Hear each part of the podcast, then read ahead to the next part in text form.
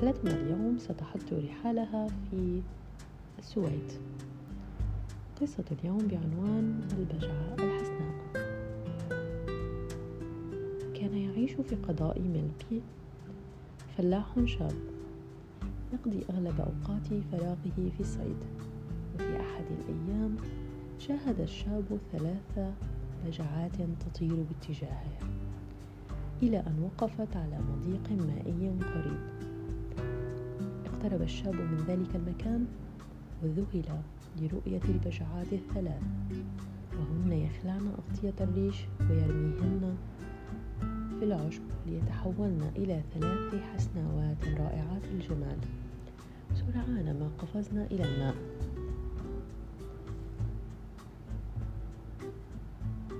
وبعد أن سبحت الحسناوات لفترة في مياه الأمواج عدنا إلى اليابسة حيث استعدنا مظهرهن السابق. ثم طرنا بعيدا في الاتجاه الذي قدمنا منه. لكن الصياد الشاب وقع في حب أحد تلك البجعات وكانت الأصغر والأجمل بينهن لدرجة أنه لم يستطيع أن يكف عن التفكير بصورتها البديعة ليلا ونهارا. لاحظت والدة الشاب أن شيئا ما قد حدث لابنها.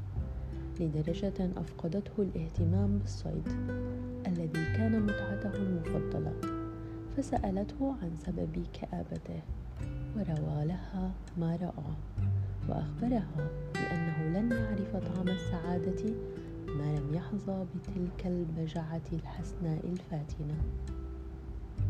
قالت الأم ليس هنالك أسهل من هذا.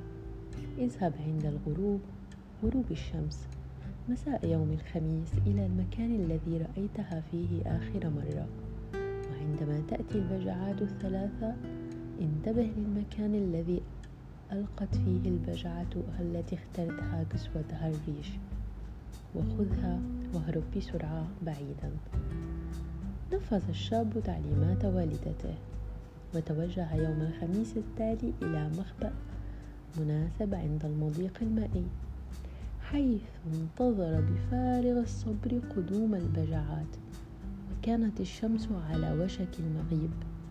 وراء الأشجار عندما تناهى إلى مسمعه صوت أبيز في الأجواء. وبعد ذلك حطت البجعات على الشاطئ كما فعلت في الزيارة السابقة. وما إن خلعت البجعات كساء الريش حتى تحولت من جديد إلى حسناوات رائعة الجمال. قفزنا على الرمال البيضاء حتى وصلنا إلى الماء وبدأنا يمرحنا من هناك. راقب الصياد الشاب من مخبئه المكان الذي وضعت فيه فاتنته ريشها وتسلل ببطء وأخذه ثم عاد إلى مكان تواريه وسط الأشجار القريبة. بعد ذلك بقليل سمعت أصوات رفرفة أجنحة البجعتين في الهواء في حين ظلت الثالثة تبحث عن كسوتها. وعندما اكتشفت وجود الشاب وركعت أمامه لاعتقادها بأنه كان المسؤول عن اختفاء ريشها وتوسلت إليه أن يعيده, يعيده إليها.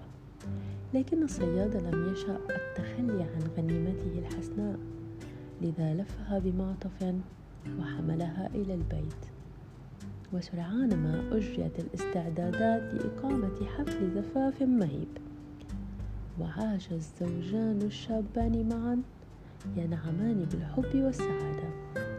بعد سبعة أعوام وفي إحدى أمسيات يوم الخميس أخذ الصياد يروي لزوجته كيف سعى للفوز بها. وأحضر لها الريش الأبيض الذي كان يكسو جسمها في الماضي. ليريها إياه. وما إن وصل الريش إلى يديها حتى تحولت مرة أخرى إلى بجعة وطارت عبر النافذة. قطعت الدهشة أنفاس الرجل الذي أخذ يحدق بعيدا إلى المكان الذي اختفت فيه زوجته بلمح البصر. وقبل مرور سنة ويوم فارق الحياة ودفن مع أحزانه وشوقه في المكان المخصص له في فناء كنيسة القرية. تعتبر حكايات الجنيات اللواتي تزوجن من بشر وعشن معهم ثم اختفينا من الحكايات الشائعة جدا في السويد وتتناول أحداها في مقاطعة سملاين بجنوب السويد حكاية كاهن أسس ابنه مكتبا لرعاية الأبرشية بإشراف والده. وذات يوم استيقظ الشاب ليرى أشعة الشمس تتسلل إلى شقته عبر فتحة في الجدار وفجأة دخلت حسناء بدت وكأنها جاءت مع أشعة الشمس ووقفت أمامه عارية مثل حواء. أسرع الشاب بتغطية الطيف الجميل بمعطف ونزل بها إلى والديه.